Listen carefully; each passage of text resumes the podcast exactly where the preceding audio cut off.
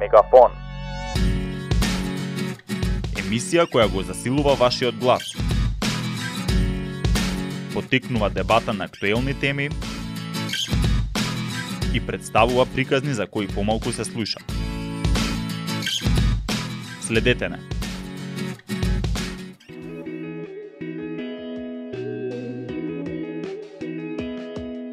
Во моментов се наоѓаме во Собрнието, каде што ќе разговараме со младата претеничка Моника Зајкова во врска со клубот за младенски прашања и политики.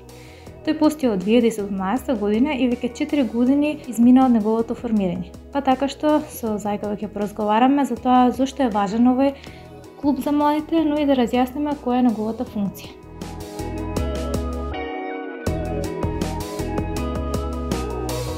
Клубот за младенски прашања, младенски политики е клуб кој што не е формално тело во рамки на собранието, меѓутоа во собранието функционираат покрај формалните комисии и поголем број на, на а, клубови кои што се неформални, меѓутоа тангираат одредени одредени прашања и области.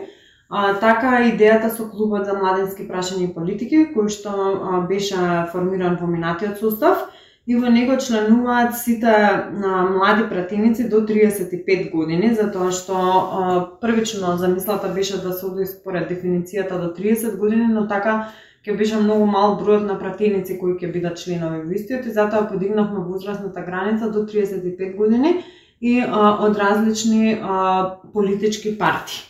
Целта на клубот е да се занимава со младенските прашања и политики кои што често не зимаат место на пленарната седница или во другите формални комисии.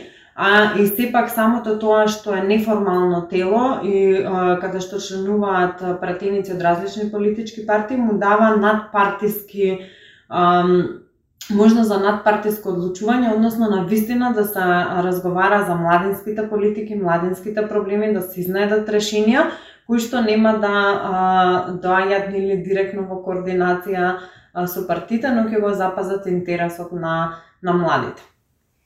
Колку членови има за сега и а, дали може би а, според тебе има доволно млади партијници во Собранијата во моментов? А, во моментот а, клубот брои околу десетина члена, не знам точно затоа што а, дел од младите пратеници излегоа нели за градоначалници како Костадин Костадинов, Тим Муцунски, Кирил Пецаков.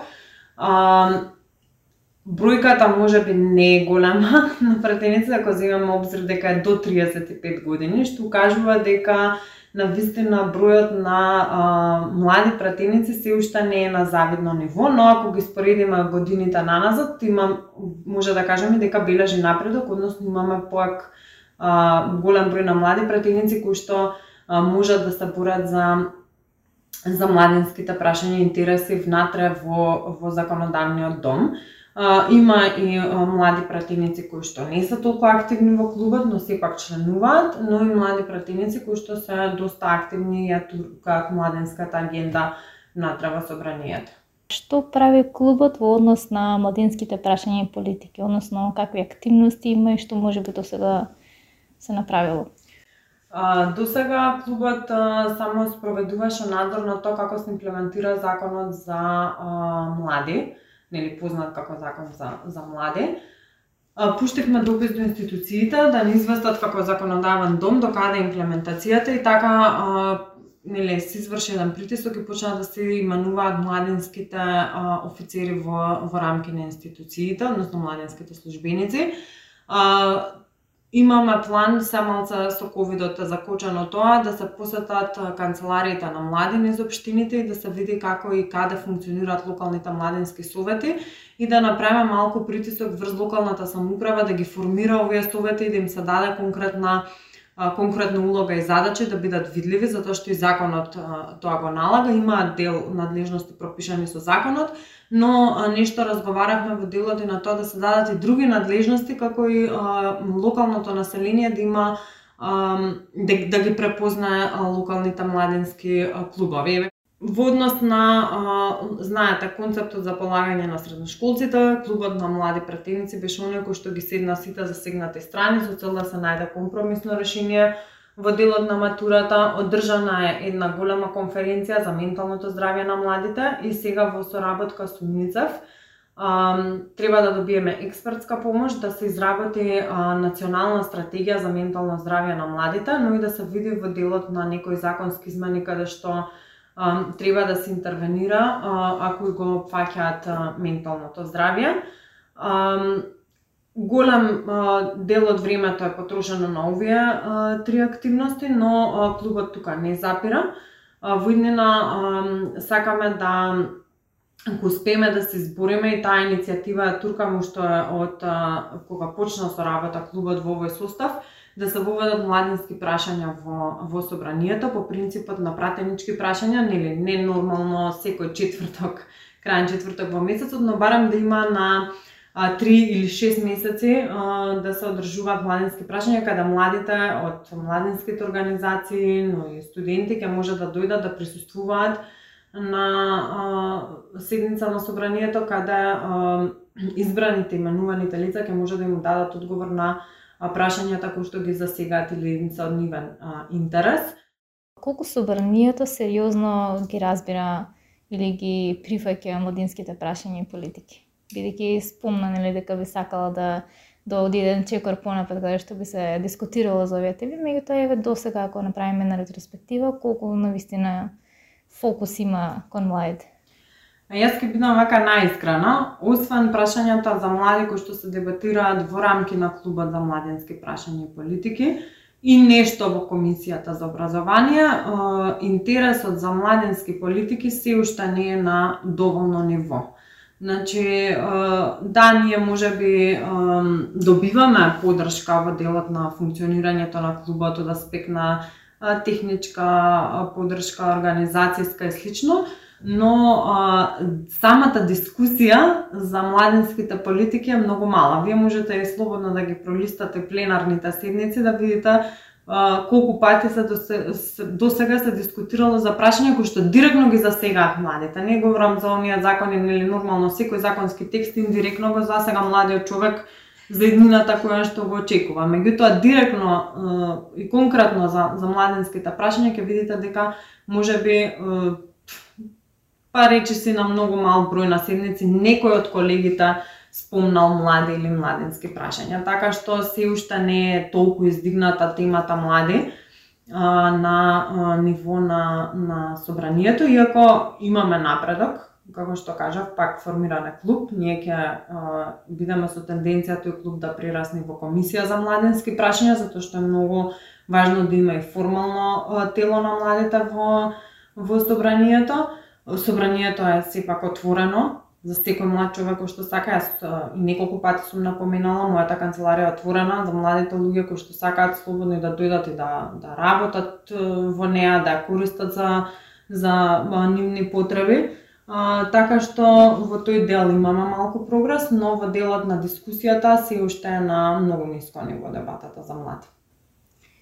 Во една претходна прилика а, имав можност да слушнам баш и самите кажавте дека Во јавноста многу малку се знае за постојањето на клубот на млади претеници.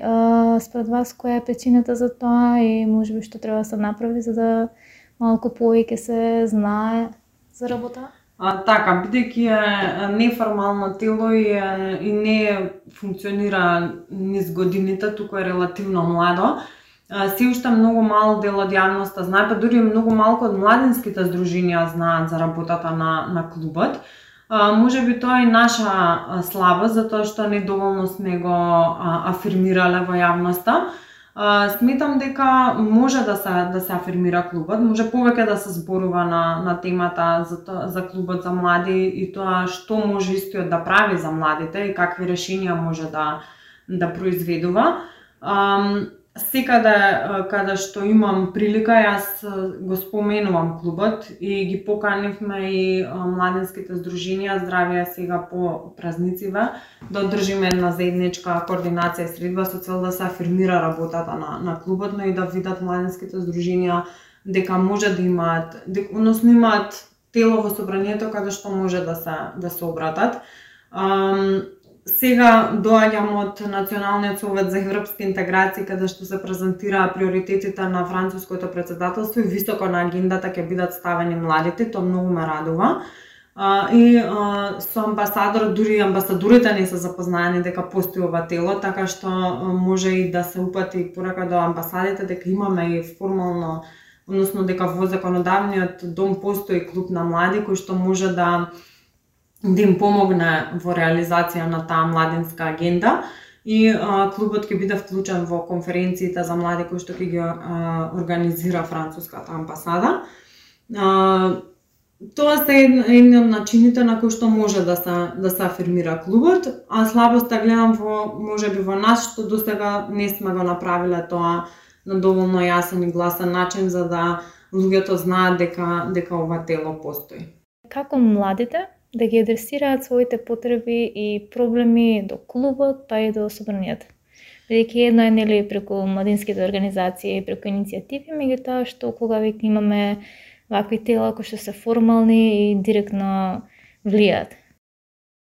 Значи, младите може да упатат писмо до клубот, може преку иницијатива во Собранинската архива, може мејл има клубот кој што функционира, поединачно до секој а, млад пратеник да, да се обратат. А, генерално тоа се начините на комуникација. А, Клубот ќе ангажира и а, свој асистент во собранието, кој што исто така ќе биде контакт лице, кој што младите ќе може да го побараат. Но сепак, а, напоменав, ние сме отворени, нашите канцеларии тука се отворени, барам говорам за мојата, и а, секој млад човек во секој време може слободно да се обрати, дури да дојде на пријавница во собранието и да ме побара. А, јас стојам на располагање да ги слушам а, нивните а, потреби или а, заложби кои што ги имаат и а, преку еве клубот да иницираме ако треба нешто поголемо како расправа, дискусија, измени на закон и така натаму. Ви благодарам многу за одвоеното време и за разговорот. Благодарам и на вас за можност.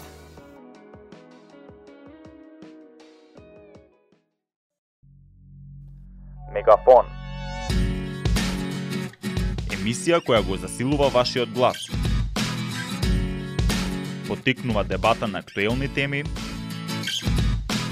и представува приказни за кои помалку се слуша. Следете не.